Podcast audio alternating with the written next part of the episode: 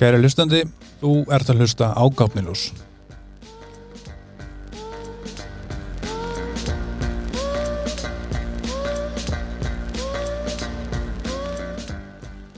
Ég heiti Sveinbjörn og þessi þáttur er fyrir forviti fólk um alls konar. Áður en við fáum að heyra frá fyrsta Gápnilúsinu vil ég útskýra tilgang þáttarins og hvers vegna hann byrja þetta undarlega nafn. Nú til dags er hægt að fletta ef hverja sem er á leitavilum alnetsins og háma í sig allan þann fróðleg sem okkur listir. En vandamálið er að upplýsingaflóðið er ótæmandi og fólk hefur ekki tíma til að kafa hann í kjölinn og öllu sem því finnst áhugavert. Best væri þá að geta stilt bara á stuttan hlaðvarpsþátt, til dæmis á leiðin í vinnuna eða bara meðan maður tekur til heimi á sér og fá áhugaverða þekkingu beint í æð frá einhverjum sem maður veit meira en við hinn. Þess var neytið þátturinn gafnuljós. Nafnur í kórukinni sem hefur tengingar við um 200 hugtök í íslenskari tungu, þar á meðal domgrind, snillingur, séni, bráðskýr og þetta eru allt eftir svona verið að mínu mati.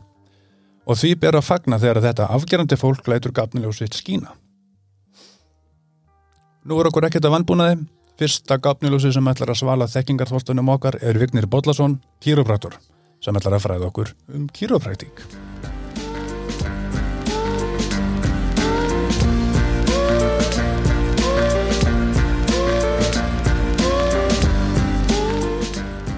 Þetta er sælvegnir. Sælublöður og takk kærlega fyrir að bjóða mér í, í fyrsta þáttin á Gafnilús. Það er bara minn heiður að fá þig þar sem að ég veit að við erum góði vinnir og þú ert öruglega að fara að vera svona heppilegt fyrsta gafniljós fyrir Mhm. mig. Já, það er gaman. En nóg um þvaður, ég er hér komin til þess að vita meir um kýrópraktík. Uh, Þú ert gafniljós um bara allt sem því við kemur og ég er með einfaldar spurningar hann það er. Svo fyrsta er, hvað er kýrópraktík? Já, uh, kýrópraktík er um, meðferðaragrein í rauninni í heilbreyðstjættinni sem um, vinnur að því að, að nota við nikkingar og aðalega að vinna með stókjari fólks en auðvitað líka önnur liðamót sem er hægt að nikja og það er kannski með eitthvað sem uh, fólk kannski veit ekki endla af en það er þetta nikja í rauninni liðamót eins og í höndum og fótum líka. En við einbeitum okkur að, að ríkjasúlinni uh, því hún er grunnurinn að allir okkar hreyfingu. Og um, hérna og vinnum aðalega með hana í flestum tilveikum nema að sé eitthvað, eitthvað annað hjá fólki eins og útlum eða, eða fleira. Ok, en af hverju heitir þetta kýrópraktík? Sko, kýrópraktík eh, á íslensku meikar er ekkert vola mikið sens fyrir að segja hvað það er. Þetta er tekið að úr, úr semst, eh, grísku og orðin eru á ennsku chiropractic.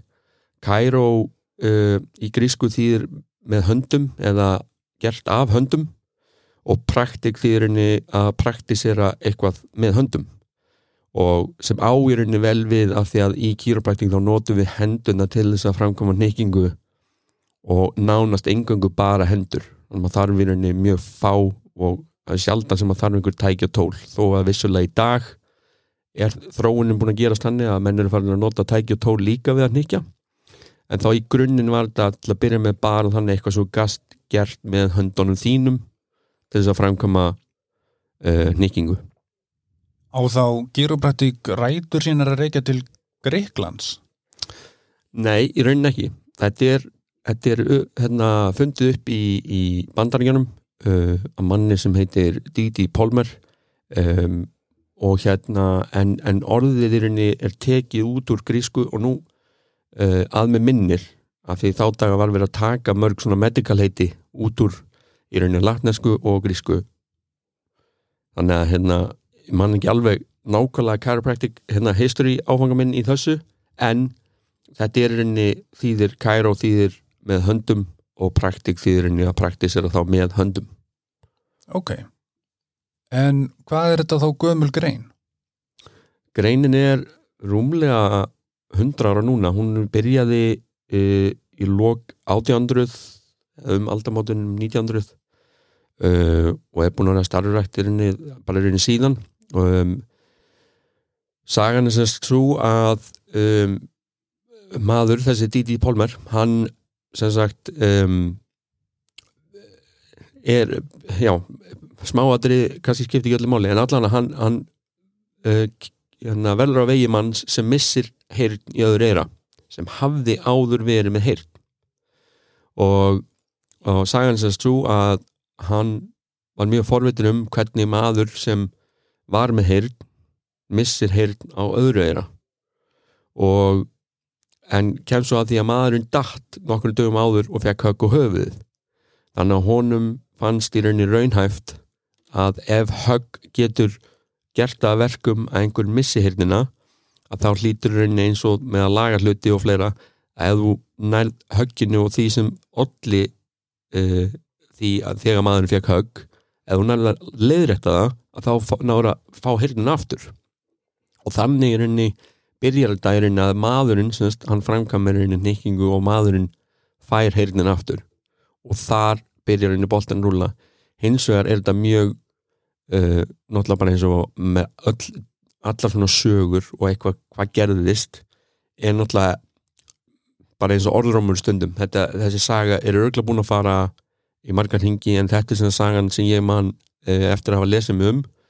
Uh, en svo í rauninni er fyrstu árin í kýrópraktik mjög uh, mjög erfið, þetta byrjar í mjög litlum uh, bekkjum semst, í, í skóla.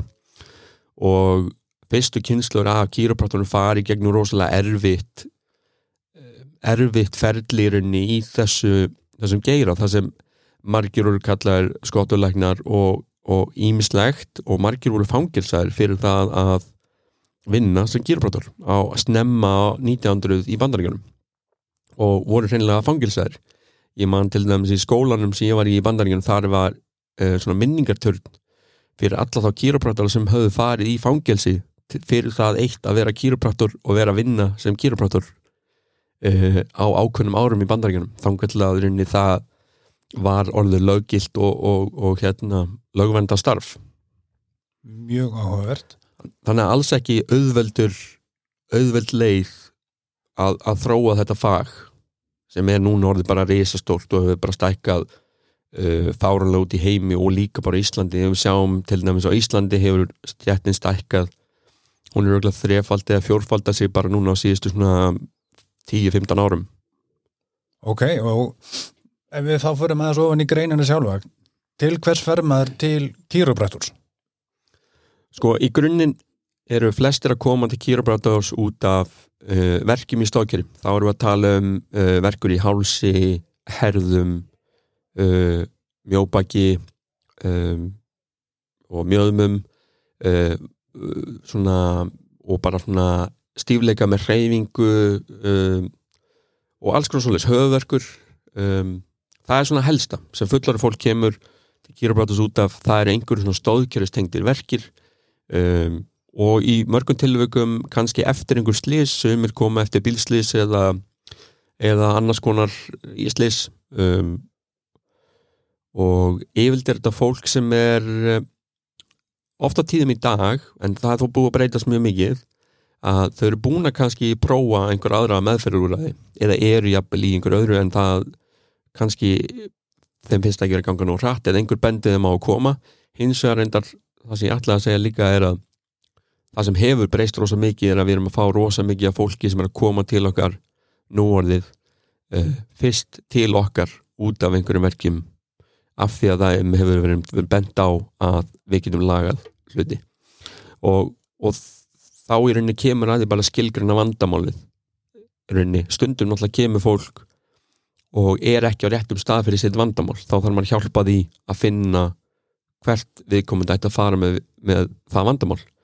En, en, en oftast nær er þetta rauninni þannig að fólk er búið að finna okkur af því að enginnir eða verkinir er þess eðlis að fólki sem það kannski þekkti eða frétta af eða svo les vita að við getum aðstofa með það Þannig að maður þarf ekki að lenda í bílslýsi til að koma til kýraprætors Nei, alls ekki. Nei. Það er einmitt eitthvað sem við erum búin að vera að tala fyrir mjög lengi og ég held að við séum á þeim tímapunkti núna uh, bara í, í, í þróun okkar og, og samfélagi að fólki fara að horfa miklu meira til þess að vera í góðu standi, hugsa vel um næringu, svepp, það er mikið umtal um þetta allt saman.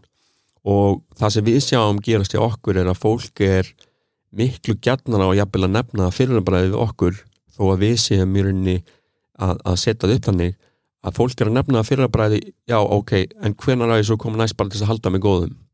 Og það er rauninni leikil þáttur í, í þessu sem við viljum er að þetta er í rauninni líka eins og við erum öll á tannlækni.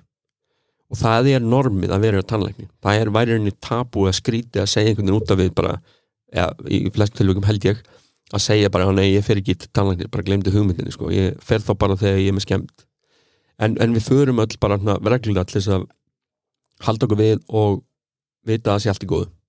Og það er einnig saman sem við erum að fara út í. Það er miklu auðveldar líka kostnar minna að halda sér við helsu heldur en að missa helsuna eða verki eða eitthvað annað og þurfa þá að bregðast við. Það mun alltaf kosta meiri tíma og peninga þegar maður er að vinna það þannig. Þannig að við erum rosa mikið að einblýna á það að þú kannski kemur út af einhver smáhuli eða jafnvel stundum engu eh, sem er að verka þig heldur er fólk að koma til okkar bara því að vil halda sér í formi, í ræktinni eða í íþróttum eða bara og líða vel. Og það er henni líka aðalatri fyrir við erum að sjá bara núna út í heimi og Íslandi landslið, íþróttafólk atvinnufólk sem kemur með þess að bara til Íslands í kannski landsleisverkefni þau koma til ekki öll til okkar á lífkýrupraktík en lang flest af þessum íþjóðafólki á hæsta hæsta level á Íslandi eru hjá kýruprátur og ég er bara múin að sjá það undan fyrir ár að þó að við séum með að mér finnst mikið íþjóðafólki þá veit ég að allt hitt íþjóðafólki ég er búin að frétta af því á öllum hinnum stofunum líka. Þannig að það er það eru rosalega mikilvægt og líka út í heimi að þetta er farin að vera svolítið standard hjá stæstu liðum í til dæmis fókbólta og öðrum íþróttum að vera með kýrópraktor innan handar. Og við sér til dæmis á Íslandi eru við að sjá um bæði kalla og hvenna fyrir FH og ég veit að önnur lið önnur, sum önnur liður líka í samstarfi við aðra stofur þess að þau fara bara til og svo stofa sér um þeirra leikmenn Hvað eru margar kýrópraktorstofur til á Íslandi? Á Íslandi um, eru, hvað ég segja, örgulega 7-8 allavega, fer kannski smá eftir hvernig þú telur það. Um, en já, ég myndi, ég myndi segja að við værum 7-8 svona í fljóti bræði, svona stofur. Um, Og er þetta út um allt land eða bara hérna á höfubarkarsvæðinu? Þetta er orðið út um all land. Auðvitað með suma sem eru bara sjálfstætt, bara einn, einn aðli að vinna sjálfstætt. En svo ertu líka með stofur sem eru svona uh, aðeins svona hvað maður segja, svona aðeins stærri. Þar með fleiri meðferðaðalega eða kýruprátora eða, eða fleiri þjónustu inn á stofinni um, en svo ertu komið með þetta út um all land í rauninni líka. Þetta er komið á marga stæstu staðina á landinu um, þú ert með uh, við förum á grundaföruð og eigilstæði til dæmis, það er aðra stofur sem fara á, á aðra stað á landinu. Og það er rauninni alltaf að, að stækka og aðgengið fyrir fólk hvað sem er á Íslandi er að verða meira í kýrapráta þjónustu okay. sem er að hefjast bara á undanfjöndum árum af því að við erum að verða nógu mörg til þess að geta að fara að sinna stærri hluta á landinu. Þannig að fyrir ekkert óbúslega lengur síðan að þá var bara skortur á kýrapraktorum ástæðin fyrir því að ekki feiri notuðu kýrapraktík Já, í raunni og líka bara því að þetta var meira svona vaksandi grein á Íslandi. Þetta var, uh, hún er búin að geta sér mjög gott orð, það eru aðlar hérna til dæmis sá fyrsti sem heiti Tryggvi, veist, hann kom til Ísland og hann er algjör brautrind í þessu fægi hann, hann fór þurft að vaða yfir margar hindranir, veit ég til þess bara á Íslandi þó hann hafi útskrast held í byrju 1980 en þá har hann lengi vel svo eini sem var kýruprátur á Íslandi og, og þurfti að hafa vel fyrir því. En svo eftir hún koma nokkur aðlar eins og líka Bergur og, og fleiri sem, sem takit að og, og Egil og fleiri, ég kannski að glemja einhverjum sem, sem takit upp á næsta level og eru svolítið eh, svona og með tryggva að leiða þetta í þó nokkur ár. Þanga til núna 2000 og hvað hefur að segja, svona 7-8 þá eru komin aðeins fleiri kýraprátur inn. En núna síðan 2010 til núna 2022 hefur orðið bara mjög mikil fjölgun. Við sjáum til dæmis núna eru hátt í 20-25 bara ég ætla að kalla það krakkar bara því ég er hann kannski gamall og búið með, námið. En þú veist, þau er í námið núna þannig að það stjættin er að fara hún er að fara að stækka um næstu helming bara núna næstu fimm árum. Já, ok. þannig að gífuleg fjölgun framundan af kýróprátorum það er að segja ef við gefum okkur allir þessi kýróprátor nemar komið til Íslands Einmitt. En af öðrum, er hættulegt að braka í pöttum og hálsi sjálfur? Uh, já, stöðusvari já, en ekki kannski hættulegt, en það er í, til lengri tíma eh, já, einfaldasvari kannski já, en, en ég þarf að útskýra það um, það fer uh, eftir því hvernig það er gert. Og það er rauninni ávið um all svona þessi brakljóði eða losun á, á liðum það fer eftir því hvernig það er gert. Um, þannig að eins og með putta ef þeir eru kramdir saman með því að íta hnúanum saman eða fett upp á fingurna einhvern hátt þá já býr maður til meira vandamál setna meir. Þá er þetta að kremja liðin á einn, einn vegu en opna hann á hinn og það gerir það að verkum að þú myndar henni uh, getur fara að mynda slitgikt í puttunum þegar líður á. Þetta er voða gott þegar maður er ungur og, og margir sem eru mjög ungir gerir þetta. En svo gerir þetta verkum að þegar maður er eldri, kannski 40, 50, 60 þá byrjar maður að fá svolítið hérna uh, gikt í puttana á slit af því maður er búin að gera þetta vittlust og það er hérna á við um, um öll liðamót og líka þegar fólk er að gera þetta sjálf með að braki hálsi eða efra baki og það eitt og sér getur verið ágætt í örfár mínútur og mann líður með, vel með það.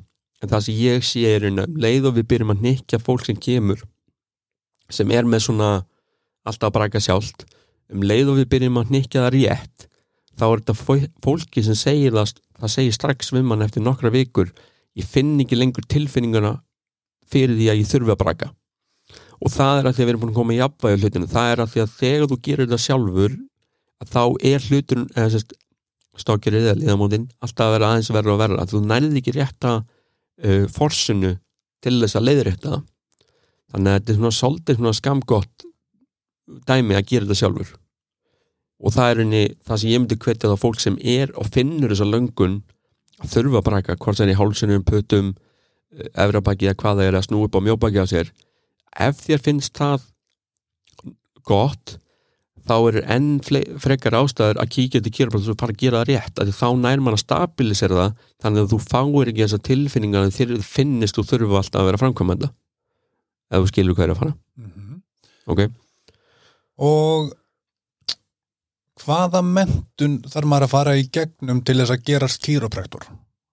já, sko uh, til þess að vera kýraprátor þá þarf þetta að fara í gegnum doktorsnám uh, í Erlendis frá þetta er ekki kent á Íslandi, ekki ennþá allana og vondi einhvern tímann í framtíðinni með, með fjöldan sem er að, að fara að sækjast eftir þessu námi. En hérna þetta sem skrefst þess að þú uh, klárir annarkort er þetta sett upp að þú klárar bachelor sem fyrsta segment og ferð svo í master eða doktor semst í næsta segmenti.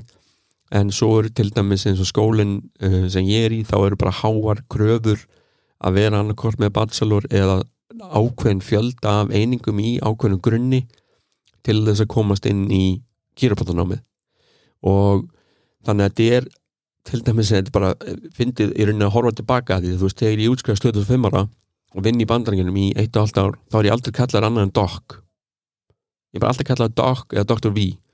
Og það er eitthvað sem við í rauninni búum ekki við á Íslandi en úti er þetta bara, þetta er doktorskrá þá ertu bara að kalla það doktor. Og hérna og, og þannig að það er þannig að þetta er sérst, doktorslevel nám þetta er sambarlegt og önnur, önnur nám í helbriðskjörnum þetta er eins og til dæmis læknisfræði, sjúkaþjálfun uh, hjúkurinn uh, og fleira tannlæknir. Í grunninn er fyrstu kannski eitt, tvö árin þau eru mjög keimlík í þessum fögum en svo ferðuð meir út í sérhæfinguna til dæmis í Danmörku ertu bara með all, alla fyrsta ásnefman í þessum fögum bara í sömu tímum. Svo öðru ári splittast það kannski pínlítið og þriði ári þá ertu komið bara í þitt fag alveg. Þannig að þar uh, þar er henni tvístrasturinn í sérhæfingi bara. Ok, Vigni minn, við erum búin með tíman Ok. af því að fólk er að vera komið í vinnun eða það er alltaf reynt heima hjá þeim. Þannig að við þurfum að gera hlje á okkar umræðum núna og ef að hlustendur vilja vita meira um kýrópraktík þá er aldrei að vita nema ég hói bara aftur í þig. Ok. Annars er bara að heyri mér á Vigni Kíró á Instagram, á Instagram eða, eða, eða á Facebook. Dr. V eða Doc þakka kærlega fyrir að komuna í fyrsta gafnilhús. Takk hjá mig. Megið þú heill lifa og vertu blessaður